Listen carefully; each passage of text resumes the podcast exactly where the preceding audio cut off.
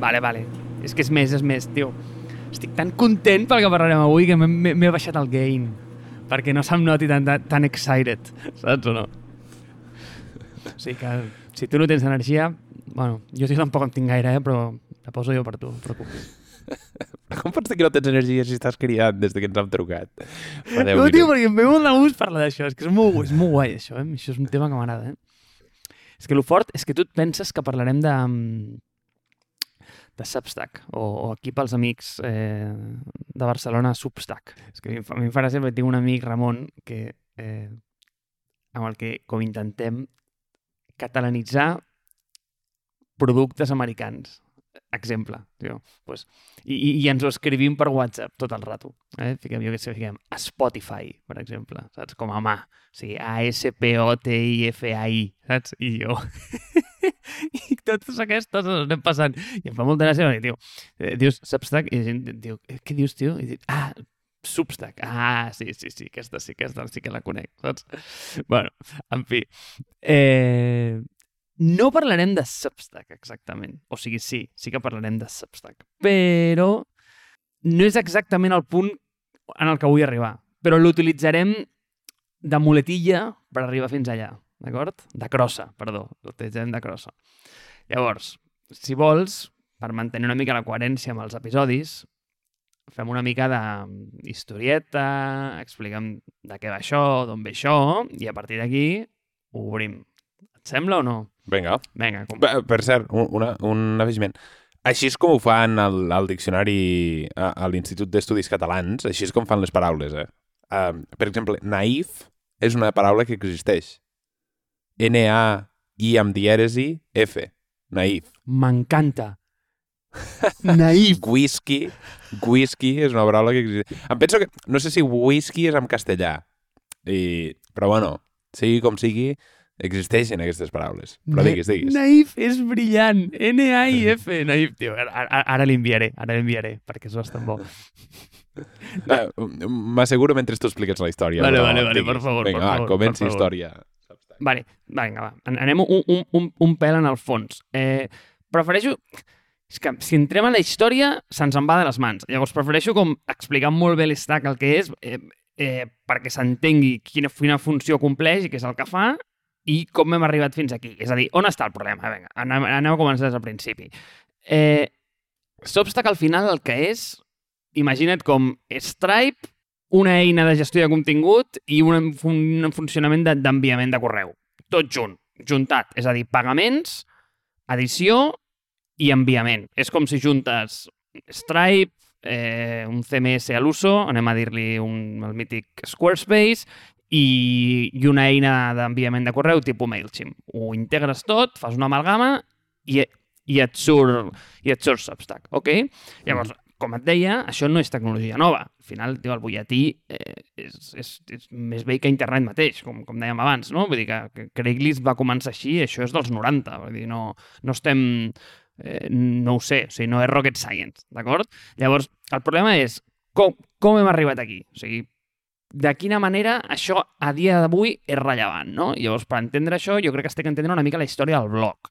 Eh, què és un blog? On va començar? bueno, doncs, al, al principi dels principis, abans de que hi hagués una cosa que es digués Facebook, hi hagués una cosa que es digués Twitter i aquests grans agregadors, internet era un lloc desitjable eh, i un lloc on una persona hi volia eh, habitar, no a més, sinó a matxear, o sigui, on, on, on, volies, on volies viure-hi, era un lloc preciós, del qual tots estàvem enamorats, on realment no hi havia ningú que estigués capitalitzant aquestes grans audiències, sinó que, bueno, tu et muntaves el teu blog i generaves la teva audiència, llavors hi havia com, com petits sites a internet, tio, que jo m'imagino com una espècie de camp de pagesos, on tothom tenia allà, doncs, no sé, doncs, la seva cabanya i plantava els seus enciams, no? I, i no hi havia com, bueno, doncs, doncs una fàbrica de, de, de 30.000 metres quadrats eh, on tothom estava vivint. Però és igual. Llavors, Bueno, Digue'm. de fet, així és com comença... És a dir, la idea original d'internet, a part de eh, compartir contingut, la idea original d'internet, que, que va ser el pitch de... A, a, o sigui, internet es farà famós per això, és la gent es podrà expressar lliurement a internet i tenir la seva plataforma. És a dir, això és una de les pitches originals d'internet i per això neixen WordPress, Blogger... És a dir, tothom tenia Blogger al seu moment. Jo me'n recordo quan era petit eh, que fèiem, bueno, veure, primer d'ESO o segon d'ESO, tenia un blogger de, dels deures que havien manat a la classe A i a la classe B perquè la gent pogués entrar i, i veure els deures que havien manat de totes les assignatures del dia. O sigui, aquest era el meu blog, era un amic que anava a l'altra classe per exemple. Eres el delegat de la classe, eh, tu? O sigui, no era el delegat de la classe, però era el que feia això perquè ja m'interessava tot, tota la creació del blog i tal. Després vaig tenir un blog que, bueno, va tenir dos notícies tecnològiques, però evidentment zero rigor i, i, i coses així, però bé, bé. Continua, continua. Clar, llavors, què, què passa? En aquesta època de bloggers, eh, WordPress, que això és, ja et dic, vull dir, principis dels 2000, Mo molt, molt, molt principis. Llavors, passa alguna cosa i és que ja apareixen una espècie de monstres que es diuen Facebook, Twitters, Tumblrs, Instagrams de la vida, que què és el que fan? Pues, D'alguna manera concentren i agreguen tota aquesta demanda i generen una cosa nova. I és com i no vull entrar-hi molt en el, en el concepte, però és aquesta distinció entre eina i xarxa. No? Hi ha aquest post mític de, de, de Chris Dixon, que és eh, Tool versus Network, d'entendre molt bé si el teu producte és una eina, o sigui, que una cosa que fa bueno, pues, eh, que compleix una funció, o és una xarxa que et connecta amb la resta. I d'alguna manera, el que vaig a dir no m'agrada gens, vale? però diguem que aquestes eines van democratitzar la publicació i la van agregar de forma que, bueno, pues, ja arribaves i et generaven una audiència. I això va portar certes implicacions. I és que la primera és que ens van vendre un internet gratuït, que no ho era per res, però eh, aquesta idea d'internet és gratis, i això és una, és, aquest tema és super rellevant perquè després el vull, el vull tocar, perquè crec que això ha fet molt mal en el, en el teixit, o sigui, a la fàbrica d'internet, de, de, de com es concep avui en dia i per què no paguem per les coses. Eh, i, i, crec que aquest, aquest concepte d'internet és gratis, que, que, que ve de la mà dels Facebook, dels YouTubes... Eh, crec que ha fet molt més mal a la societat del que ens pensem i ha, i ha matat molt, molt més la creativitat del que podem arribar a imaginar. Però arribarem després. Llavors, amb això ja eh, arriba com l'estacada final, que és quan Google va matar el producte de Google Reader, mm, del qual jo era un usuari fervent i, i va matar l'RSS, però, en fi, eh, no, no ens posarem melancòlics en aquesta conversació. I llavors, amb tota aquesta amalgama de coses en el que tenim un món mm, de contingut gratuït, on la gent publica en aquest tipus de xarxes, apareix Substack. Eh, I i, i d'altres. I anem a dir d'altres. Eh, I la pregunta és, per què ara? O sigui, per, per què ara una eina com aquesta està adquirint rellevància i, i està adquirint protagonisme?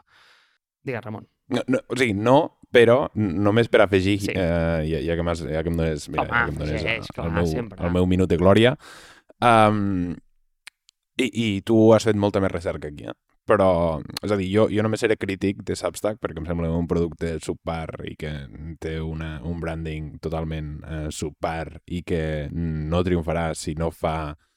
Um, si no es converteix en el New York Times de les publicacions, però bueno, ja entrarem aquí. Um, o sigui, per, per entendre una mica, una mica per què arribem aquí, és, eh, tu ho has dit molt bé, no? Comença internet com un, un espai on tu et pots expressar lliurement uh, i com que no hi ha una massa crítica d'usuaris Uh, simplement l'has de ficar gratis perquè no hi ha manera de monetitzar-ho, això. Llavors, comença a haver-hi aquests agregadors que creen aquestes xarxes entre persones uh, i el que fa... És a dir, hi ha una...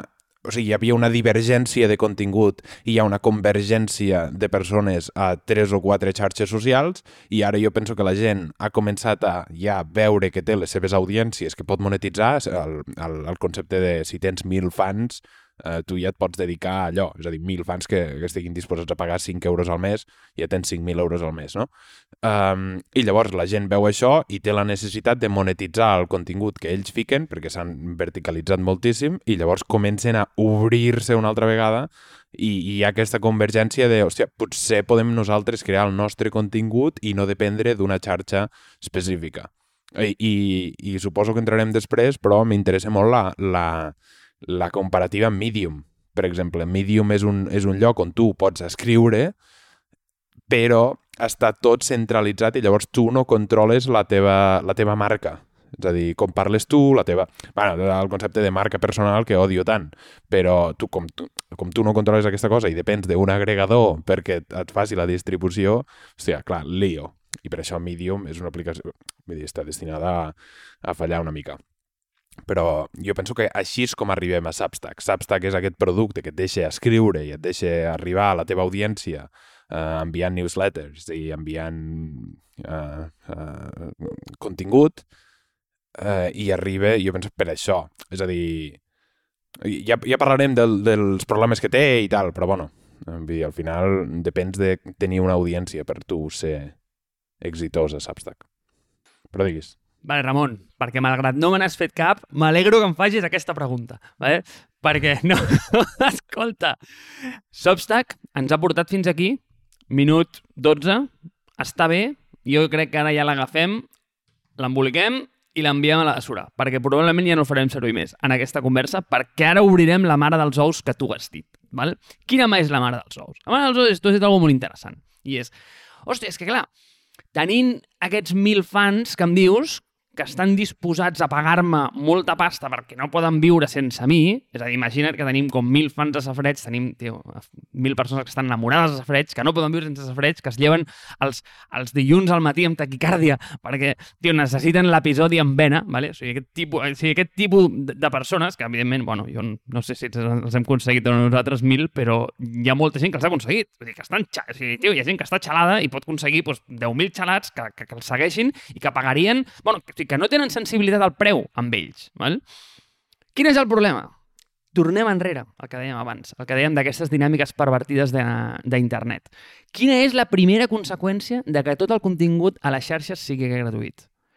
El problema que hi ha és que les audiències es monetitzen de forma transversal. És a dir, tothom paga el mateix. Zero. I el pagament està mm, dividit o fraccionat per lo que tu poses l'anunci, per la quantitat d'audiència que tens. Val? Per tant, si jo vaig a YouTube i jo, Marc, sóc un sonat que té 10.000 sonats a darrere que estan bojos per mi, però la resta del món m'odia literalment i no vol saber res de mi, però tinc 10.000 tios que estan disposats a pagar-me 10 euros al mes cada un, i em puc fotre una vida de l'hòstia. Però clar, a YouTube no, perquè a YouTube mm, jo genero 10.000 views, i 10.000 10 views a YouTube, saps que em compren? Un xupa-xup em compren. I ja. O sigui, res més. Però ara està passant una cosa molt particular avui en dia. I per això, tio, és fantàstic viure en el moment en què estem vivint, perquè és la rehòstia. Vale? Quina és? Tio, doncs que per primera vegada a la història s'està generant com aquesta capacitat de connectar molt de manera molt pròxima al creador amb, amb aquest sonat mm, de l'audiència que és insensible a preu i vol pagar el que li surti, el que, el que vulgui, no? Llavors, amb això es donen coses molt interessants. La primera és que plataformes totalment transversals, gratuïtes, on tothom paga el mateix, és a dir, zero, i estan monetitzades a través d'anunciants que venen per darrere, que al final l'únic que fan és que monetitzes per quan veus, és a dir, si, tio, si el teu vídeo fa un milió de views, paga millor que si en fas 15, ¿vale? punt. En canvi, si jo en fes 15, però la meva audiència estigués disposada a pagar eh, 1.000 euros per cada una d'aquestes peces, possiblement monetitzaria millor, però allà això no és possible, perquè aquesta connexió directa no funciona així, ni mai funcionarà així perquè no és el seu model de negoci. Llavors, què és el que passa? Que per primera vegada, i aquest és el punt que em sembla fascinant, i aquest és el punt que a mi Substack, jo Substack el faig servir simplement com a, el que et deia, com, com a crossa per, per explicar aquesta idea. Per primera vegada a la història, els creadors generen més força o tenen més moment que les pròpies plataformes. És a dir, en quin moment el creador és més potent que la plataforma en si. Perquè jo, quan abans Marc s'anava a YouTube per penjar un vídeo de com feia un unboxing d'una capsa de Disney, allà jo esperava audiència. Hi ha molta gent que està buscant això i l'algoritme de YouTube recomanava aquest tipus de contingut. Per tant, per mi era profitós anar allà. Però fins a quin punt jo vaig a Substack i li estic portant jo l'audiència amb ell, no ell a mi. És a dir, allò és una eina i no és una red, no? I fins a quin punt aquest tipus de productes estan adquirint la rellevància que tenen i com està deixant absolutament obsolets aquests models de monetització transversals.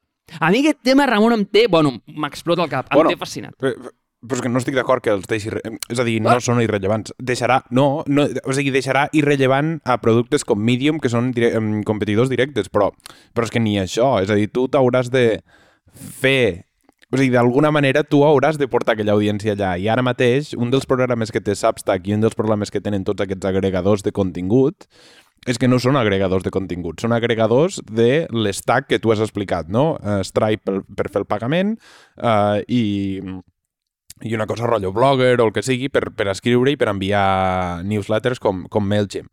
Llavors, tu necessites aquest contingut, és a dir, tu et pots obrir un Substack avui i tindràs zero uh, persones uh, escoltant-te. Llavors, com aconsegueixes tu aquesta audiència? A Facebook i a Twitter i tot això és difícil ja, però és molt més fàcil perquè es dediquen a això, és a dir, quan tu mires quin és el moment que... Um, és a dir, això s'han fet un munt d'estudis i sobretot a dins de Facebook. I tu quan entres a Facebook, la, la cosa que, que et fan fer al màxim de ràpid possible és que tu tinguis a 10 amics connectats a la xarxa.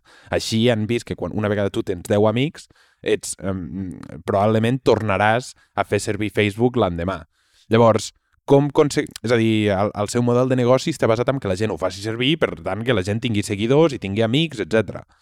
Llavors, hi ha una, una, un efecte xarxa. El problema és que a Substack tu tens el problema, i ho he estat mirant, eh? És, és, es diu The Power of Law, eh, el poder de la llei, que és que el 90% de la gent eh, no, només està escrivint contingut i és un contingut que es queda estèril perquè Substack no el pot agafar i el pot ensenyar i dir mira, mira, potser descobreix això o tal.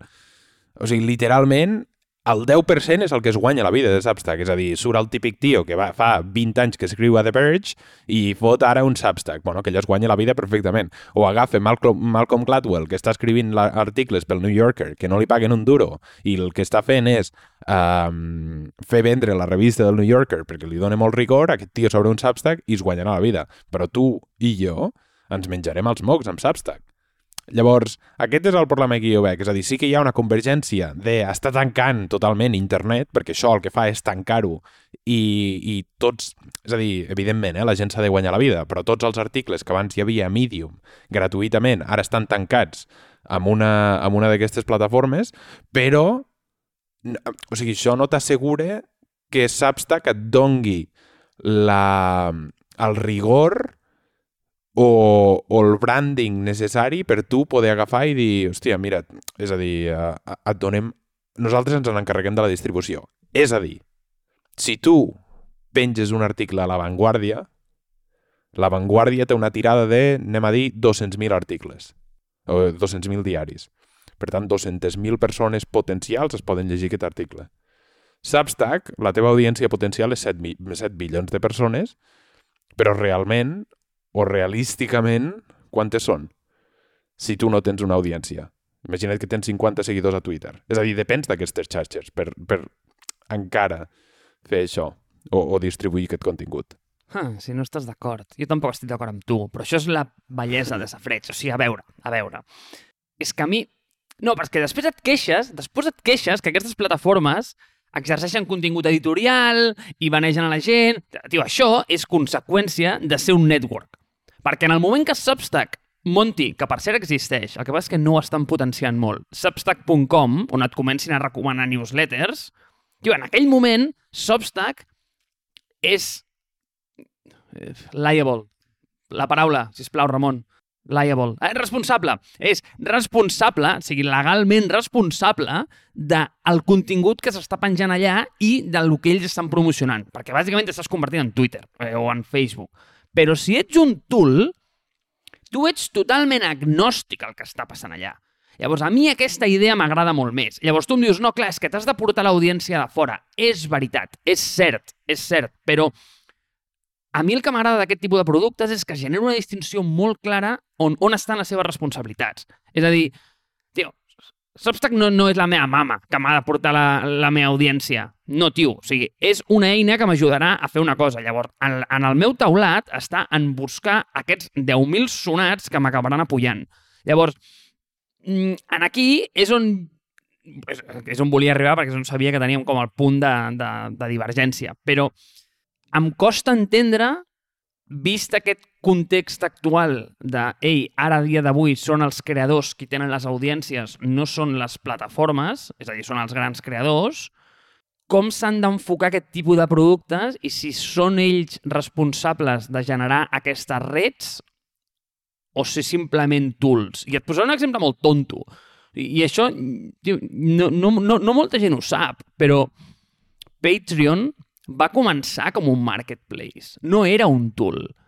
O sigui, ara Patreon és una companyia que tothom coneix, que per cert de Patreon sortiria un, un, o sigui, un catalanisme bastant divertit, saps? Un Patreon, amb E-I-T-R, seria bastant bo. Però bueno, sí, Patreon va començar com un marketplace. Però dir, tio, si això és un follon, o sigui, és que, clar, vull dir, com, com recomanes tot allò? És un, és, és un merder, et fots en un, en un berenjenal, perdó, eh, en un camp d'albergínies, que diu que, que, que, no, que no vols, o sigui, que no t'interessa. I, I van agafar i van dir, no, no, no, no, muntem un tool i som agnòstics totalment al contingut. I, hòstia, el Patreon el que diu és, eh, fill, o sigui, monetitza com et surti, que nosaltres et donem eh, la subscripció del tio i ens quedem un, un tall molt més petit.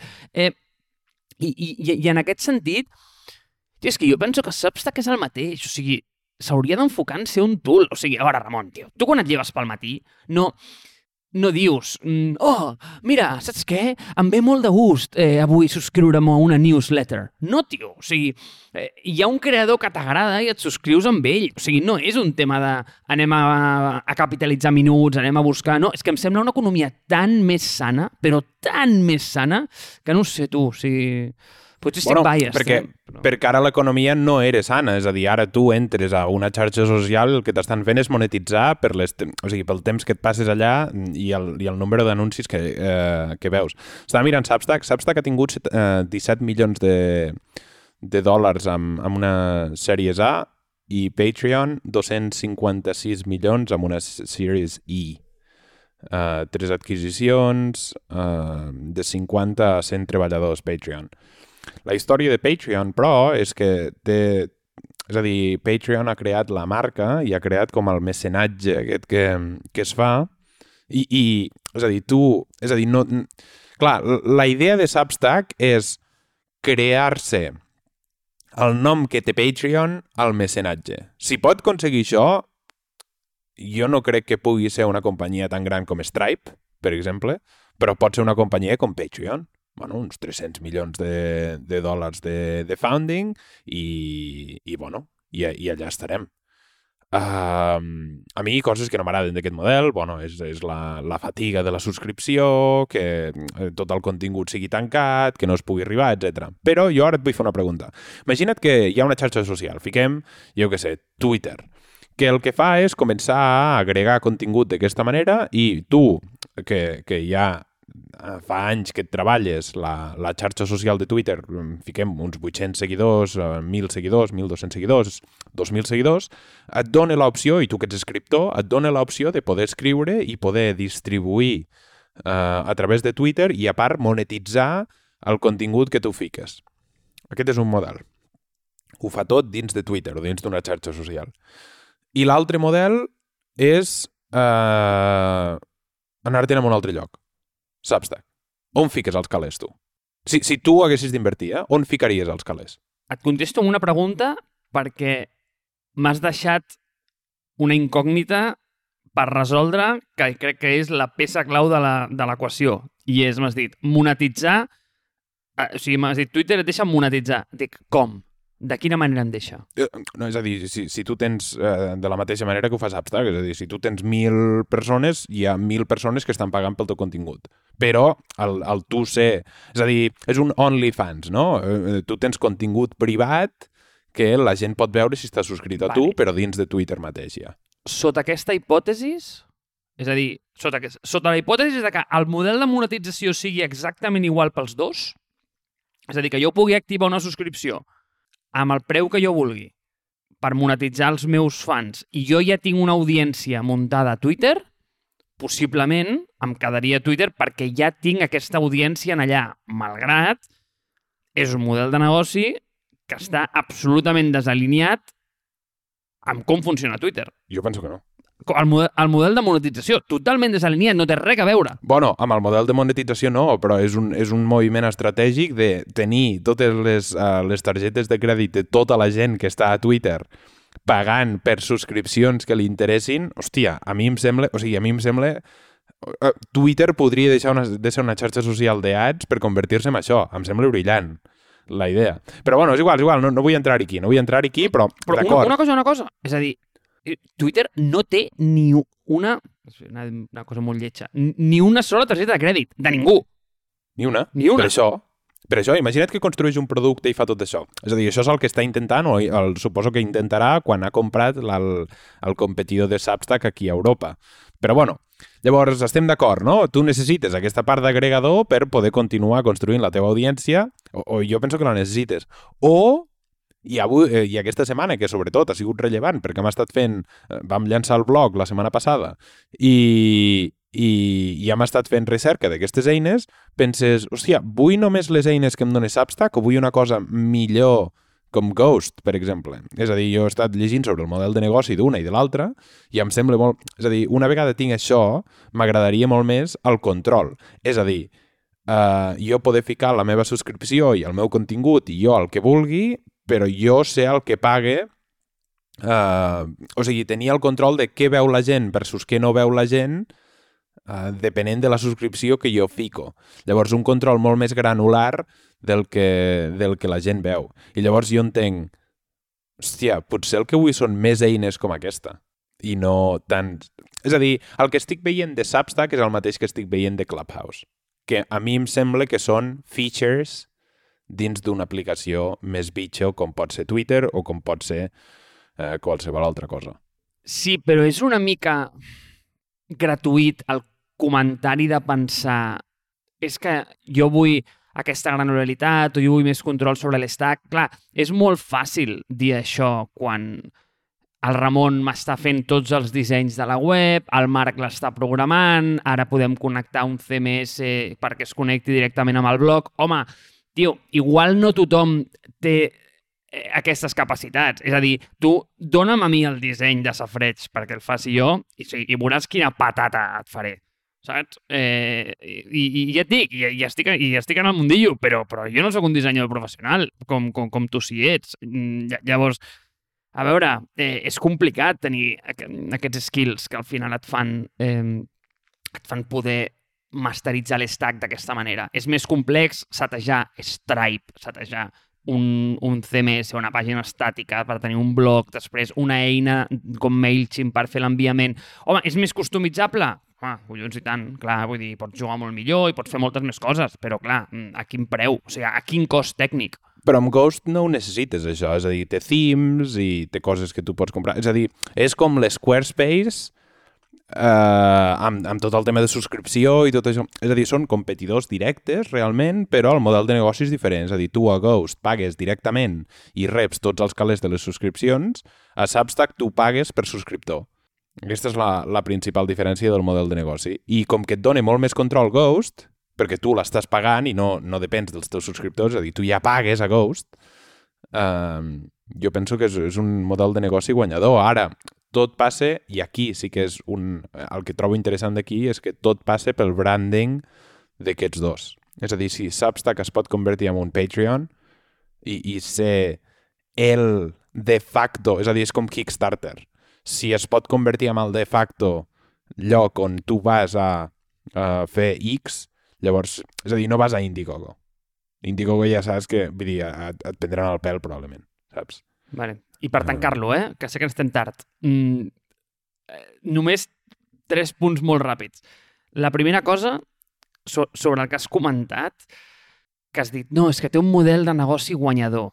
Veus, aquí tinc un, desacord fonamental. El model de negoci guanyador és el de Substack, perquè et deixa començar gratuïtament. I aquest punt no, mai el desestimis. O sigui, no desestimis mai la importància del gratuït. La gent comença allà perquè començar és gratis eh, començar a Ghost no és gratis, és rather car. Llavors, en el llarg plaç és cert que et donarà, mm, bueno, doncs et donarà més flexibilitat, et donarà, bueno, et, et tallarà menys comissió perquè saps que et cobra el 10% de totes les comissions. Bueno, si, si potencialment ets molt gros, això pot ser molts diners, però, però bueno, eh, deixem-ho allà.